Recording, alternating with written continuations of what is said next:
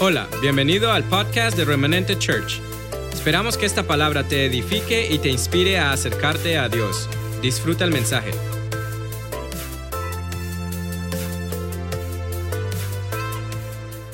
Por título tenemos la verdad, the truth, la verdad. Ese es el título de hoy.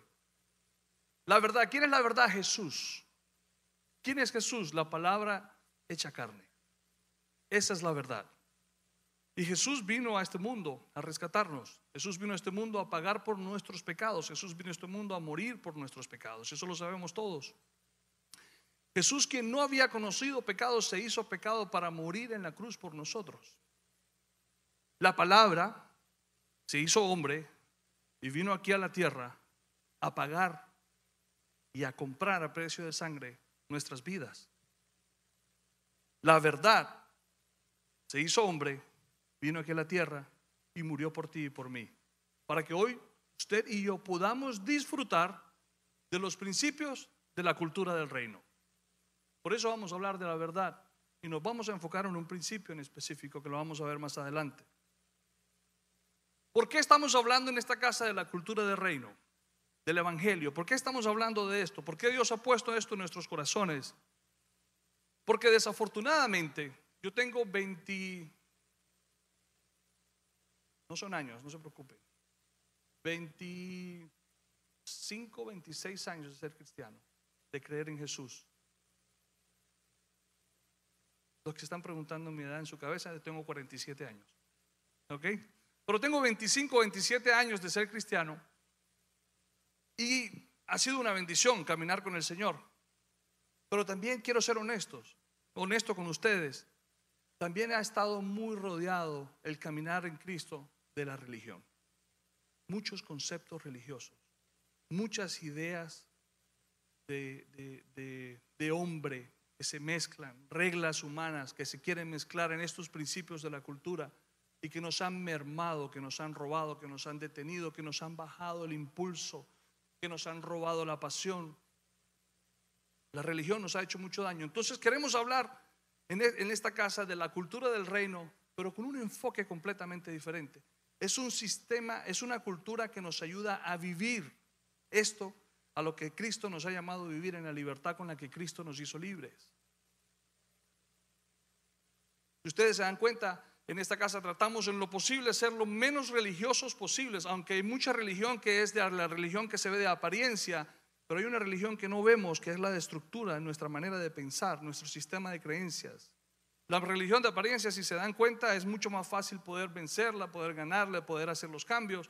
Ya no se usan las corbatas, ya no se usan los zapatos brillantes, ya no se usan los sacos los enteros. Se pueden seguir usando, no tengo ningún problema. Me gusta muchísimo. Pero antes uno no podía subirse aquí a compartir si no tenía una corbata puesta. Era un pecado. Pero así sucede también en nuestra mente con ciertas cosas, en nuestra manera de crecer, de creer. Jesucristo vino a salvarnos, pero también vino a enseñarnos la cultura del reino. Porque Él se iba. Nos dejó el ayudador, Jesucristo nos dejó el gran ayudador, el Espíritu Santo de Dios, pero no antes sin establecer los principios de esta cultura de este sistema, la verdad. Usted y yo, quiero decirle algo, usted y yo hemos sido plantados, no hemos sido enterrados. ¿Hacia dónde va? ¿Hacia dónde va con eso? Usted y yo hemos sido plantados y no enterrados. Son dos cosas muy diferentes. Cuando usted es enterrado, cuando se entierra algo, ¿qué quiere decir eso? Es poner bajo tierra algo o a alguien que esté muerto. Se entierra lo que no tiene vida. Ahora, ¿qué es, ¿qué es sembrar o plantar? Sembrar es poner bajo tierra una planta o una semilla para que se arraigue, o sea, para que se establezca, para que eche raíces, para que crezca es plantado, es puesto bajo tierra para que cobre vida. Entonces quiero decirte, primero que todo, en este reino, usted ha sido plantado, no ha sido enterrado, porque usted está vivo. En usted habita el Espíritu Santo de Dios. En usted y en mí corren ríos de agua viva. Hemos sido plantados y no enterrados. El reino de Dios es completamente posible vivir. Es posible vivirlo, es posible modelarlo, es posible disfrutarlo. No siempre todo es bueno, pero es posible vivirlo. El reino de Dios está diseñado para los hijos de Dios porque es la herencia de Dios. No es un sistema de creencias o de reglas humanas, como lo decía ahorita. Es una cultura que Cristo vino a enseñarnos. ¿Qué consejo nos da Pablo del reino de Dios? Se los voy a leer, sencillo. Primera de Tesalonicenses 5, del 16 al 18, dice, estén siempre alegres. Eso dice Pablo, que estemos siempre alegres. Ahora dice, nunca dejen de orar. Y lo tercero que dice en esos dos versículos dice, sean agradecidos. Hay una palabra clave en este versículo que quiero que se quede con ella. Quiero que me pongan mucha atención, porque lo que Dios tiene para hablar en esta mañana es muy importante, como siempre todos los domingos. Pero en mi corazón pesa el deseo de poder comunicar, de comunicarles a ustedes de una manera muy clara lo que está aquí. Pero es necesario para que esta comunicación tenga éxito Usted no se deje distraer donde está sentado y escuche atentamente lo que el Señor quiere decir. Esta tercera parte, este, este consejito que nos da Pablo dice, sean agradecidos y hay una palabra clave, dice, en toda circunstancia, pues, pues esta es la voluntad de Dios para ustedes, los que pertenecen a Cristo Jesús. La palabra clave aquí es en. En toda circunstancia. Normalmente nosotros somos agradecidos dependiendo de la circunstancia que estamos viviendo.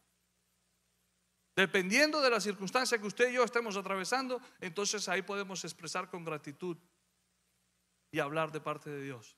Pero Pablo dice que en toda circunstancia. No unas sí y otras no. No las bonitas o las buenas o las agradables o las de mi gusto, sino aquellas también que son difíciles, que cuestan, que nos, que nos confrontan, que nos chocan, que nos tumban, que nos preocupan. Dice que seamos agradecidos, que podamos expresar un corazón con agradecimiento al Señor en toda circunstancia. Pero antes de eso dice que estemos orando en todo tiempo y que seamos alegres. Pero me gusta como cierra que dice, dice, pues esta es la voluntad de Dios para ustedes, los que pertenecen a Cristo Jesús. Amén. ¿Qué otro consejo nos da, nos da Pablo para vivir este reino? Un consejo más de Pablo. Está en Efesios 2, perdón, 3, del 16 al 17, dice, dice así, pido en oración de sus gloriosos e inagotables recursos los fortalezca con poder en el ser interior por medio del Espíritu Santo. Entonces, Cristo habitará en el corazón de ustedes a medida que confíen en Él. No que crean, sino que confíen. Y para poder confiar hay que estar agradecidos en toda circunstancia. Para poder confiar hay que expresar un corazón con agradecimiento cuando perdemos un vuelo y nos toca quedarnos 7, 8 horas en el aeropuerto esperar el siguiente vuelo. Hay que estar agradecidos porque algo quiere hacer el Señor en esas 7, 8 horas. Pero solamente podemos verlo de esa manera si confiamos que Él habita en nosotros, si confiamos que sus gloriosos e inagotables recursos nos fortalecen en nuestro ser interior, ¿qué sucede cuando nosotros confiamos en eso? Viene esta parte que me gusta mucho, dice, echarán raíces profundas, hablábamos de sembrar. Ojo, hablábamos de sembrar. Dice, echarán raíces profundas en el amor de Dios y ellas los mantendrán fuertes. Si confiamos en estos principios del reino, vamos a poder ser establecidos en esto que hemos vivido, de ser sembrados en esta cultura, y vamos a poder echar raíces bien profundas. Y entonces nos vamos a mantener fuertes como las palmeras. Usted sabe que por eso las palmeras pueden soportar los tornados, porque sus raíces son mucho más profundas que lo alto que ellas son. Y eso quiere el Señor que nosotros seamos, que seamos como palmeras, que en este reino confiemos en sus principios, que estemos agradecidos en todas circunstancias para poder echar raíces profundas, que confiemos en el poder, en el glorioso poder que habita en nosotros a través de su Santo Espíritu, para entonces vivir agradecidos, echar raíces y ser fuertes. Amén. Yo creo que con esto yo pudiera cerrar y decirle amén, nos vamos para la casa, esto estuvo buenísimo. Pero ahora vamos a entrar y quiero que preparemos nuestro corazón, porque quiero hablarles de dos versículos nada más. Y hemos sentado un fundamento hermoso para poder indagar en estos dos versículos y entrar un poco más profundo en la palabra. Efesios 3:20 dice, y ahora que toda la gloria sea para Dios quien puede lograr mucho más de lo que pudiéramos pedir o incluso imaginar mediante su gran poder que actúe en nosotros. Usted sabe qué me dice este versículo a mí. Usted sabe qué entiendo yo en este versículo. Que si hay algo que usted se puede imaginar, que si hay algo que usted puede pensar, que si hay algo que usted puede pensar, el cómo usted desea que suceda en su vida, usted lo pueda planear, usted se lo puede imaginar. Si hay algo que usted pueda tener allí en su cabeza, planeado, pensado, organizado, delante de Dios, no sirve. Es como coger una hoja de papel y botarla, porque me dice que Él puede hacer mucho más abundantemente de lo que yo puedo planear y lo que yo puedo pensar. Así que, para preparar tu corazón y recibir la palabra, te quiero decir que yo no sé qué planes tienes, yo no sé qué has imaginado. Yo no sé qué pensamiento de conformidad tienes. Yo no sé qué oración de conformidad has hecho delante del Señor. Y le has dicho, Señor, con solo que me ayudes con esto, yo soy feliz. Yo creo que esa oración nada más la he hecho yo. Amén, pastor. Yo mismo me respondo, no hay problema. Yo creo que hay personas que hemos, yo me recuerdo, yo tenía 20, tres años y estaba tirado de rodillas un diciembre porque no tenía regalos para mis niños. Y yo le estaba orando al Señor y yo le decía, Señor, Señor, dame un negocito. Dame un chuzo de esos que hay en el mercado. Yo los veo, se mueven en diciembre y venden una cantidad. Dame, yo con eso soy feliz. Yo le oraba al Señor específicamente y yo me imaginaba y yo me proyectaba parado allí en el mercado de, la ciudad de mi país con un puesto que podría haber medido cinco pies por tres pies. Ustedes los conocen, los que son de Colombia saben de lo que estoy hablando, donde se vende de todo, se venden, se venden bombillos, se venden correas, se venden, se vende de todo, se vende comida, y es una cacharrería y la gente viene y compra ahí todo lo que en el mercado los hay. yo decía, Señor, con uno de esos yo soy feliz. Permíteme, Señor. Permite. Yo le lloraba al Señor. No tenían para los regalos del niño, estaba muy mal. Pero yo pedía esa oportunidad adelante. Yo le creía a Dios. Yo le planeaba al Señor un negocio. Y el Señor me dio este versículo. Me dice, eso no es. Es mucho más abundante de lo que tú estás pensando. Y yo quiero dejarte saber eso y quiero que tu corazón se prepare a escuchar estos dos siguientes versículos, porque lo que Dios tiene para tu vida, porque lo que Dios tiene para mi vida porque lo que Dios tiene para esta casa, porque lo que Dios tiene para ti que estás allí conectado, es mucho más abundantemente de lo que nosotros podamos imaginarnos. De lo que pudiéramos pedir o incluso imaginar. Hay veces que podemos encontrar las palabras para pedir lo que queremos. Hay veces que nos las imaginamos y no podemos decirlo porque no nos sentimos merecedores y nos descalificamos nosotros mismos.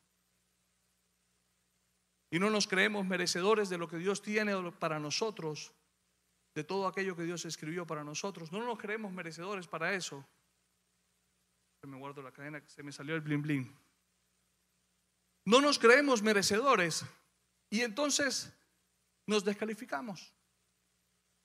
Y resulta que el Señor dice que es mucho más allá de lo que tú te puedas alcanzar a imaginar.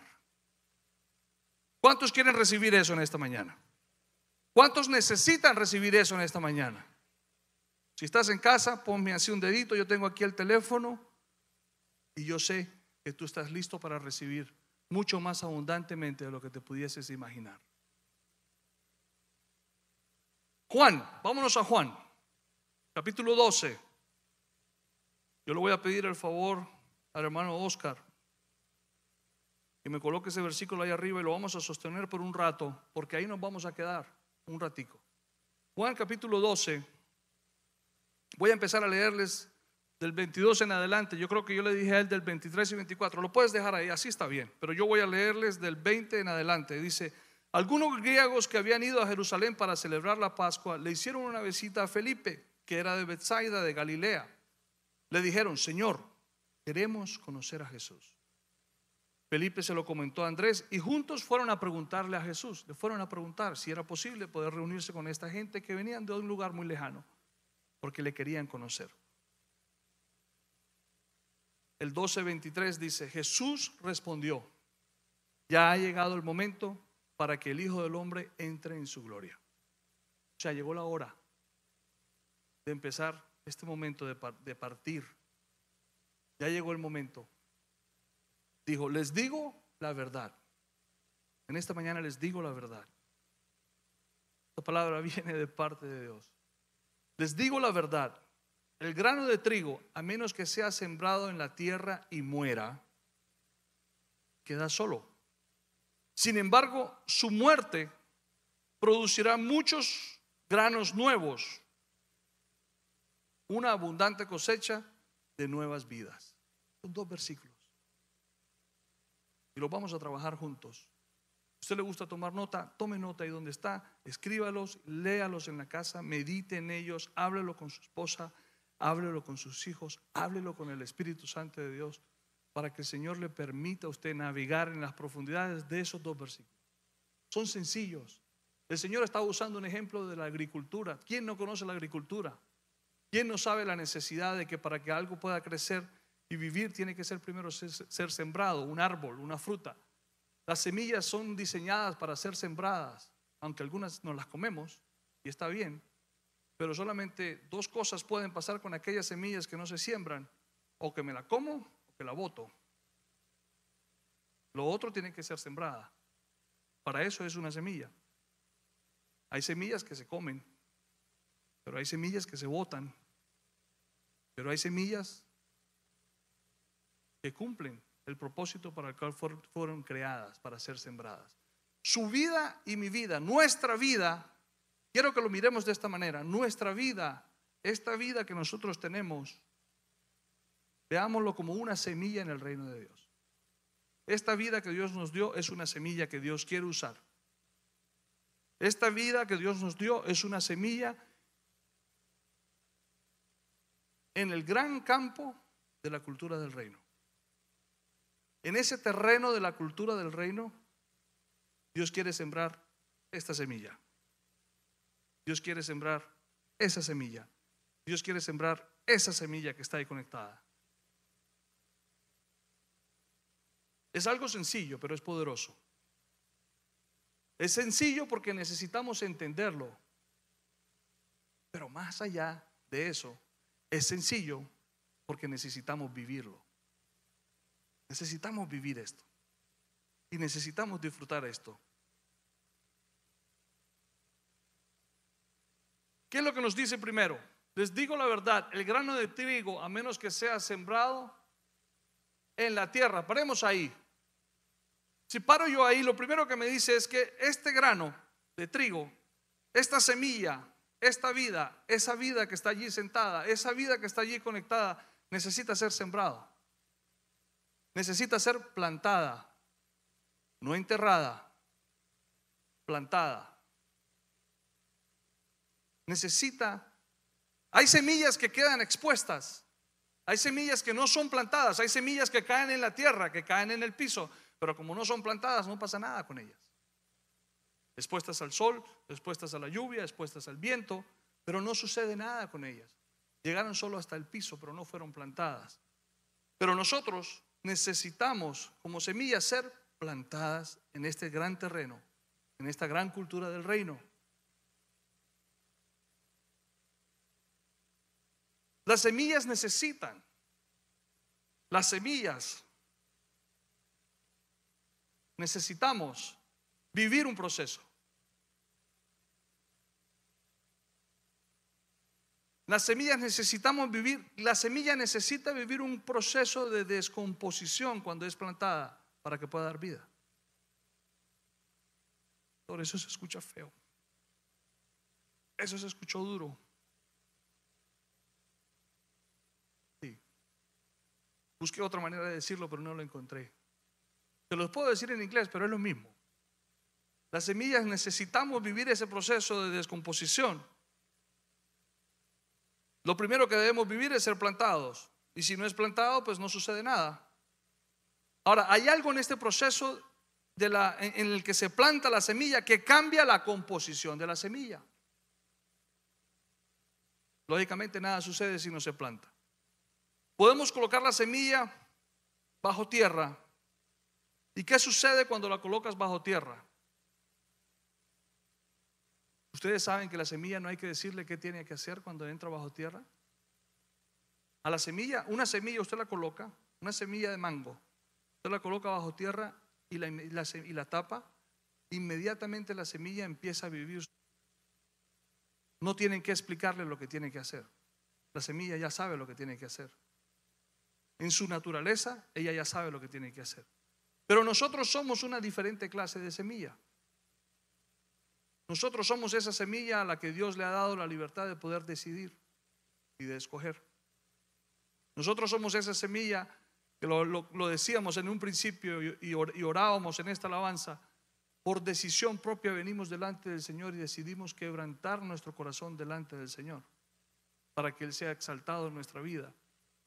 Nosotros podemos decidir, siendo semillas, si morimos o vivimos. Nosotros podemos tomar esa decisión. Aún si nos entierran, aún si nos siembran, se escucha mejor. Si nos plantan, nosotros tenemos esa decisión. Pero ¿qué dice una semilla que entiende el proceso que tiene que vivir? Dice, wow, finalmente ya estoy donde necesito estar. Eso es lo que dice una semilla. Ay, por fin me sembraron, ya estaba cansada de andar en esos bultos. ¿No? Una semilla la siembra y dice, uh, aquí estoy, esto es lo mío. Ahora sí, ya se armó, como dice la propaganda de Miller Light. Ay, pastor, la propaganda de cerveza. Sí, yo solamente estoy hablando de la propaganda. Cuando dan la propaganda de cerveza, ahí entra el muchacho con el six packs de cerveza, los otros dicen, ya se armó. Así dice la semilla. Cuando ya está debajo de la tierra, dices, ya se armó la fiesta. Aquí estoy, esto es lo mío, estoy en mi tierra, ahora sí sé lo que tengo que hacer. Pero nosotros que somos semillas, cuando somos plantados y empezamos a vivir un, un proceso en Dios, decimos, ¿yo qué hago aquí? Pero yo qué hago en esta iglesia? ¿Yo por qué vine a este país? Yo creo que fui yo y mis emociones. Pero una semilla no dice eso. Una semilla que entiende que es semilla y que entiende que tiene que dar de lo que está adentro, es feliz bajo tierra. Usted sabe que una semilla no dice, óyeme, ¿y pero por qué eh, no, no, me dejan entrar la luz? Yo quiero que me vean.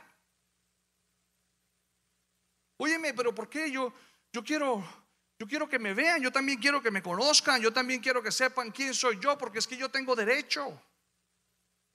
Ese es mi derecho, que me conozcan, porque yo también sé hablar, porque para eso yo estudié. ¿O ustedes que creen que seis años de universidad hay que votarlos así? No. Yo quiero también hablar, yo me quiero expresar, yo quiero... Una semilla no dice eso. Una semilla no se queja.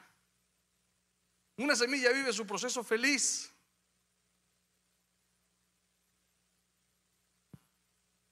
No hay muchos amenes. Yo sé, yo sabía que no iban a haber muchos amenes. No hay problema, no hay problema. Yo sabía que eso me venía. Una semilla dice, llegó el momento, aquí bajo tierra, donde nadie me ve, de cambiar todo lo que está dentro de mí para que se afecte todo lo que está fuera de mí. Eso dice una semilla. ¿Por qué digo esto? Porque conozco personas en estos 25, 27 años de caminar en el Señor que llegan a una iglesia y se establecen en una iglesia y empiezan a vivir bajo la cobertura de un ministerio y están inconformes. Porque dicen, yo quiero que me vean, yo quiero que me conozcan, yo quiero que la gente vea lo que Dios me ha dado. Porque hay personas que llegan a este país a trabajar en diferentes lugares y dicen, yo también quiero que el administrador conozca de mis habilidades. Él debe saber que yo en mi país tuve negocios. Y yo también sé administrar un negocio. De pronto él necesita saber lo que yo sé para que podamos llevar este negocio a otro nivel. De pronto. Pero espera tu momento. Deja, deja que tus raíces crezcan primero. Permite que esas raíces cojan fuerza para que entonces puedas mostrar. Pero lógicamente, para que hayan raíces, primero tienes que morir.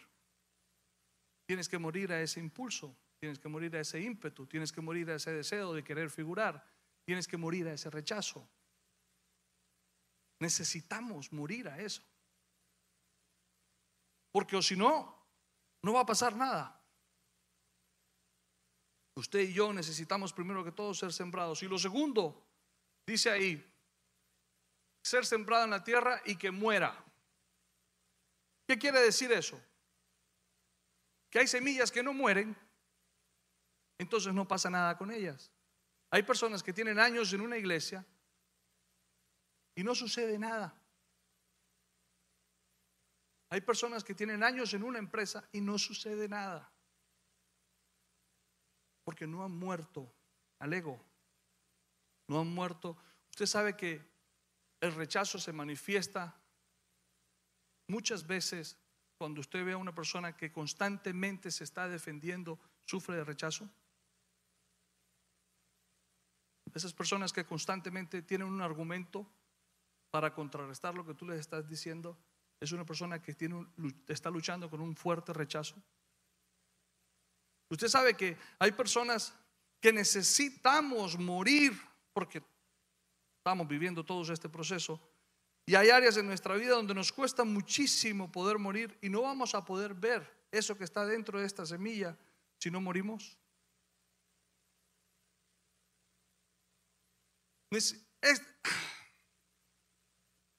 quiero avanzar, pero no puedo. Me siento la necesidad de quedarme un rato en este punto. Somos semillas que Dios quiere plantar en este reino, en esta cultura del reino. Somos semillas, lo que les estoy hablando es la verdad, está en la palabra. Por eso se llama así, la verdad, es sencilla. Y es sencilla y, puede ser, a ratos suena muy chocante, pero es que así es la verdad. La verdad te libera. Y para poder liberarte la verdad necesita decirte las cosas como son. Porque si yo me pongo a decorarlo, no vamos a poder llegar donde el Señor necesita llegar. Entonces por eso suena un poquito fuerte. Por eso no hay muchos amenes. ¿Verdad? Pero nosotros como semilla necesitamos morir para que pueda nacer esto que está dentro de nosotros. Ahora hay dos opciones. Tú decides morir o vivir siendo semilla. Y si decides vivir siendo semilla, entonces te vas a quedar solo. ¿Cómo así, pastor? Sí, Aquellos que entendemos que somos una semilla para ser plantada en este reino de Dios, en esta cultura de reino y vivir bajo sus principios. Y siendo semillas, decidimos después de ser plantados vivir nuestra vida, vivir nuestra agenda, vivir nuestra manera de pensar, vivir nuestras ocurrencias,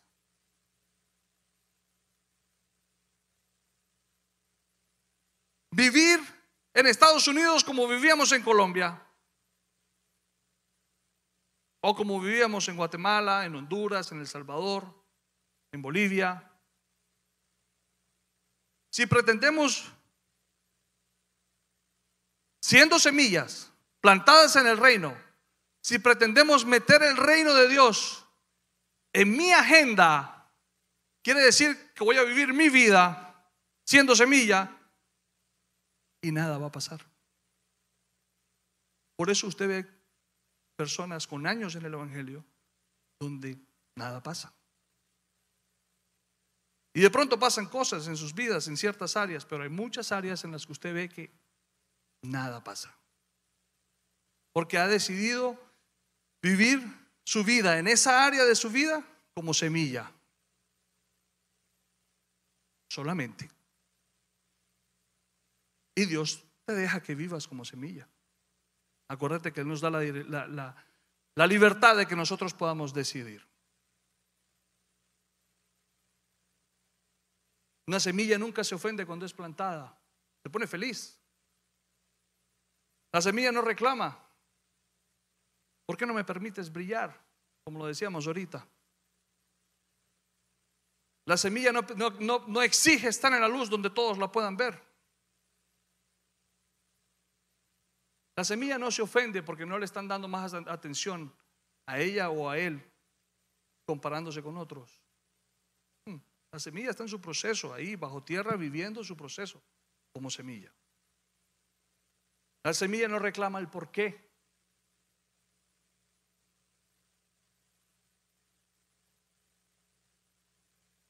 ¿Por qué la semilla no reclama? Porque la semilla sabe que para poder cambiar, para poder sacar todo eso que está aquí adentro, ok, para poder darle vida a todo lo que Dios dijo que hay dentro de ti. Ahí estamos entrando. Para poder empezar a vivir todo aquello que Dios te dijo hace un rato, mucho más allá de lo que piensas o de lo que puedas pensar y, o imaginar. Piénsalo si quieres. Y el Señor te dice, imagínatelo. Dice, es más que eso. Entonces, para poder vivir eso, wow, porque a mí me gustó. En ese momento yo sí vi muchos amenes. Y aquí bastantes deditos haciéndome así. ¿No? Cuando el Señor dijo, es más de lo que piensas, es más de lo que te puedas imaginar. Y te dice, piénsatelo, imagínatelo. Dice, no es eso, es más. Oh, más, Señor. Entonces yo creo que en esto y esto. Y el Señor te dice, bueno, sí, pero es más. Es más abundantemente. Entonces, todo eso está aquí adentro de la semilla. Todo eso está aquí contenido en esta semilla. Y para yo poder vivir eso, para que la semilla pueda vivir eso, la semilla sabe que tiene que morir. Por eso no pelea con la tierra. Por eso la semilla no pelea cuando está cubierta. Por eso la semilla no pelea cuando la están mojando. Escuchó un predicador una vez que dijo, let the dirt its work. Deja que la tierra y la basura hagan el trabajo. ¿Qué quiere decir eso? Esas circunstancias alrededor nuestro, de las que Pablo nos aconsejaba ahorita y nos decía que estemos agradecidos en todas ellas. No en algunas sí y otras no, sino en todas. Esa es la tierra que está haciendo que esa semilla se descomponga. Por eso es que la semilla no pelea con la tierra.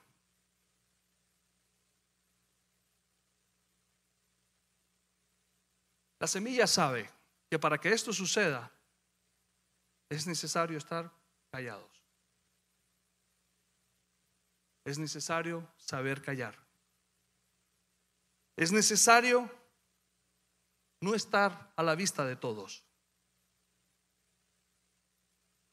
La semilla sabe que no puede andar hablando a toda hora porque interrumpe el proceso. Que no puede estar reclamando todo porque interrumpe el proceso. La semilla sabe que debe callar que debe guardar silencio. Hoy en día vivimos en una generación que no conoce mucho de esto, porque vivimos en la generación del instantáneo, del Instagram. Entonces queremos que todo suceda de un día para otro, con el tronar de los dedos o con el mover de los dedos en el celular. Y la juventud hoy en día está creciendo con la necesidad de vivir un proceso verdadero, un proceso real. Más que real, un proceso de la verdad de lo que le enseña la palabra. Porque El mundo te dice, lucha por tus sueños, persigue tus sueños, no te rindas. Te dice, haz un papel y escribe lo que deseas y guárdalo. Y vas a ver que se verá cumplido en yo no sé cuántos años. Y entonces tú empiezas a vivir tu plan.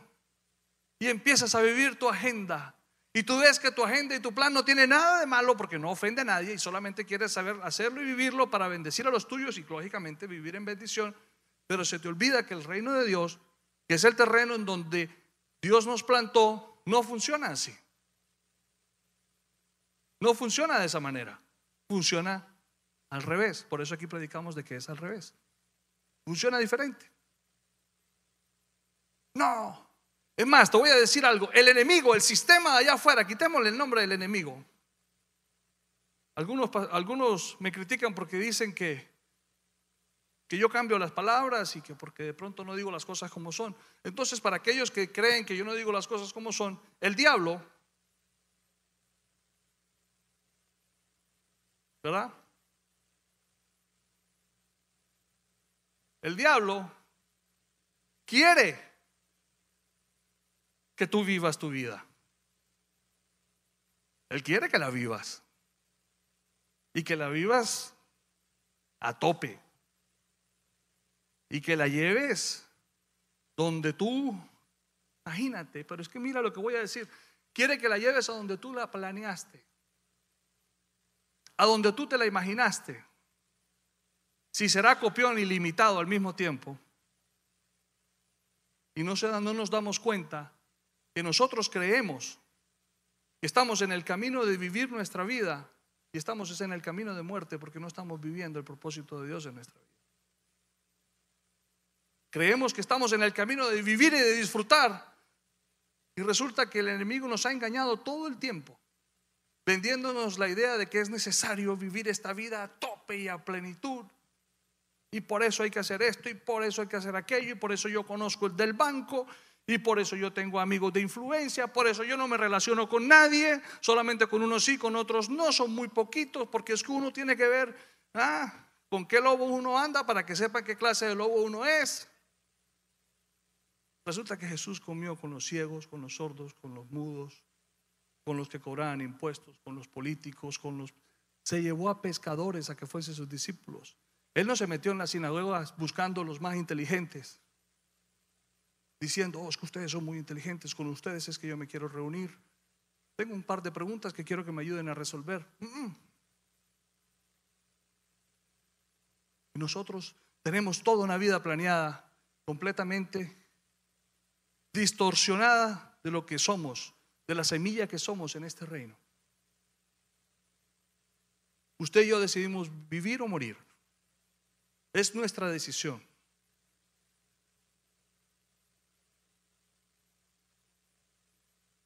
La semilla que no muere no deja de ser eso, más que una simple semilla. Ahora, ponga la atención a esto. Somos semillas, pero ninguno de nosotros fue predestinado para que nos mantengamos como semillas. Hay mucho más allá. Hay mucho más allá de lo que nosotros somos en este día de hoy. Hay mucho más allá de lo que usted cree que es. En el caminar con Cristo no es fácil, pero cinco, cuatro, seis semanas después de usted confiar en estos principios del reino, cinco, cuatro semanas nada más, y usted empieza a vivir estos principios del reino, le aseguro sus familiares se van a dar cuenta. Y van a decir, usted no es el mismo. Oh, yo soy el mismo, yo no he cambiado. Ah, no, porque es que esto cobra un efecto inmediato. Tu manera de pensar cambia, tu manera de vivir se transforma. Porque sale todo esto que está aquí, que Dios puso ahí adentro, y empieza a brotar, y empieza a echar raíces, para luego empezar a salir a la superficie. Y cuando sale a la superficie, es muy notorio. No se puede esconder. Usted no ha sido destinado para quedar y vivir en el estado en el que usted se encuentra. Usted dice amén a eso. Yo creo que me están escuchando. Quiero escucharlo. Si me están escuchando. Si usted está de acuerdo con eso, diga un gran amén a los que están ahí conectados. No hemos sido destinados para quedarnos y viviendo como estamos viviendo ahorita. No importa la edad. No importa que tengas 60, 70. No importa. No importa que tengas 20, 30. No importa. No tiene que ver con edad, tiene que ver con propósito. Tiene que ver con las generaciones que vienen pero tiene que ver con las generaciones existentes también.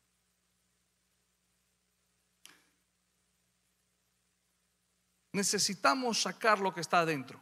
Colocas el versículo, Oscar, porfa. Te agradezco. Necesitamos sacar esto que está aquí adentro. Necesitamos vivir esto que está aquí adentro. Necesitamos dejarlo que brote. Necesitamos dejar que esto salga y rompa y pueda mostrar lo que hay afuera y cambie todo lo que hay afuera. Necesitamos que una semilla de mango se vuelva no un árbol, sino un cultivo de árboles de mango.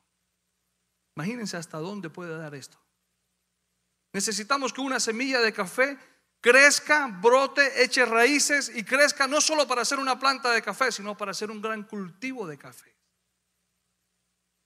¿Se dan cuenta que no hemos sido destinados para ser simplemente una semilla? Hemos sido destinados para afectar generaciones y para tener más de lo que hemos pensado, más de lo que nos hemos imaginado y vivir una vida plena y en abundancia. Para eso nos creó el Señor.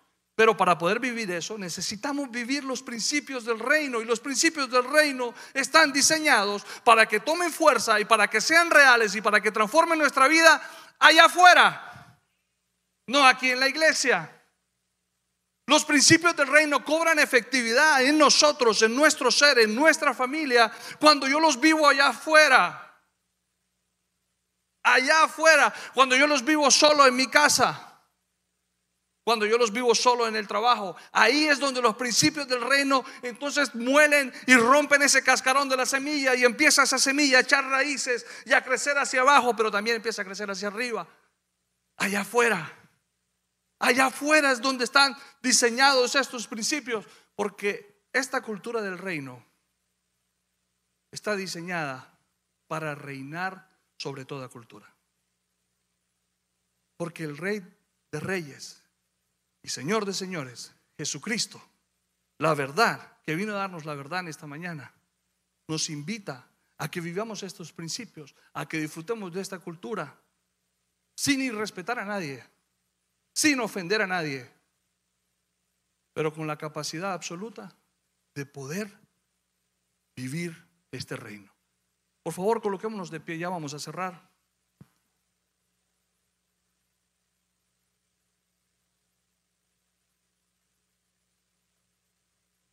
Me acompañan, por favor, aquí arriba.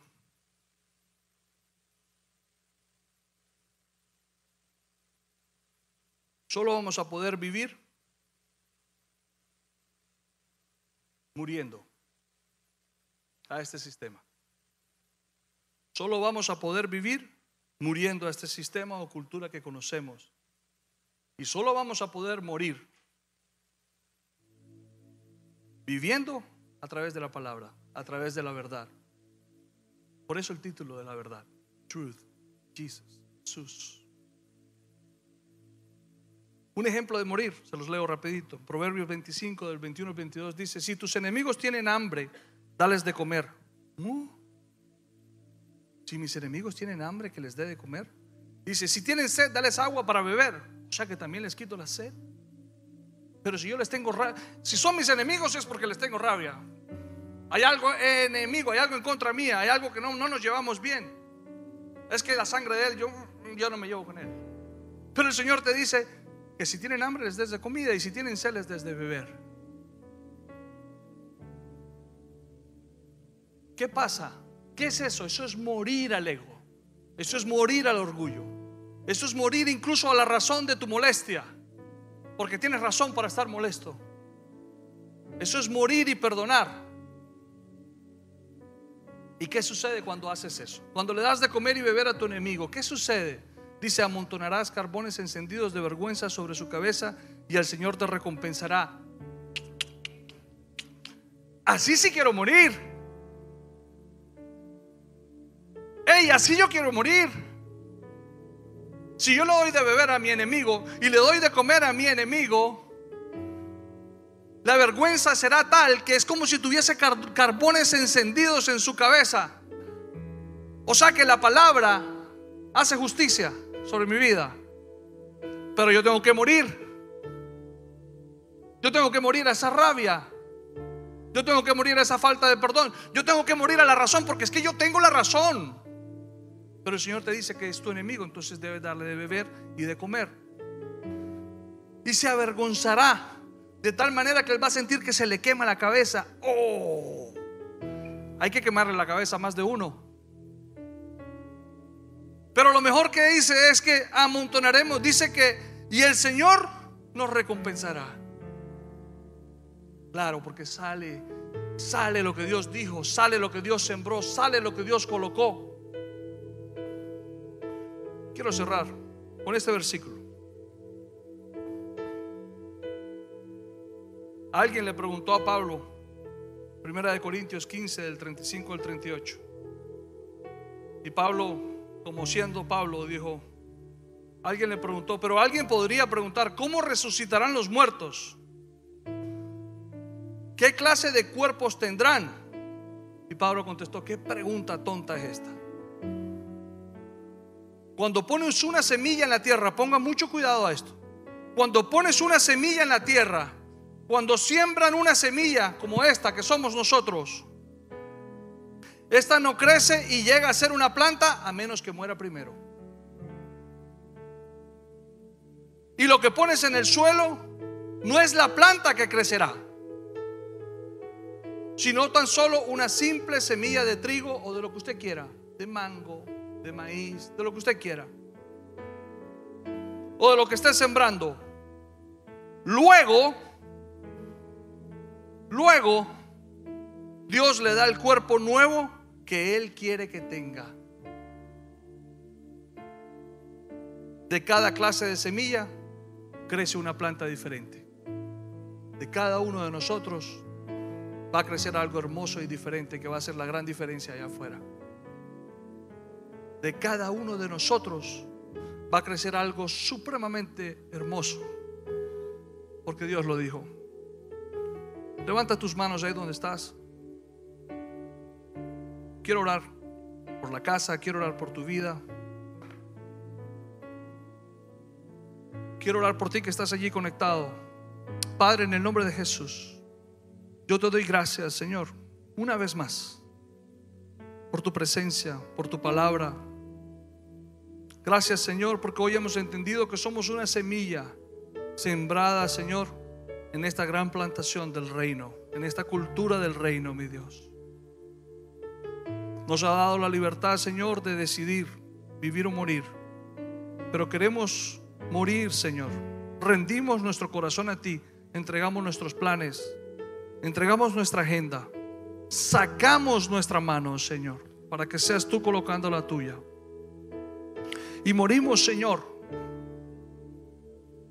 para que como semillas pueda brotar de nuestro interior todo aquello que tú has depositado en cada uno de nosotros, Señor. Quiero que hagas memoria de cada palabra que Dios te ha dado. Quiero que pienses por 30 segundos cada palabra que Dios te ha dado. Quiero que hagas memoria de cada palabra que Dios te ha dado. En esto me está direccionando el Señor. Tú que estás en casa, quiero que cierres tus ojos y hagas memoria de cada promesa que Dios te ha dado y que todavía no ha sido cumplida sobre tu vida.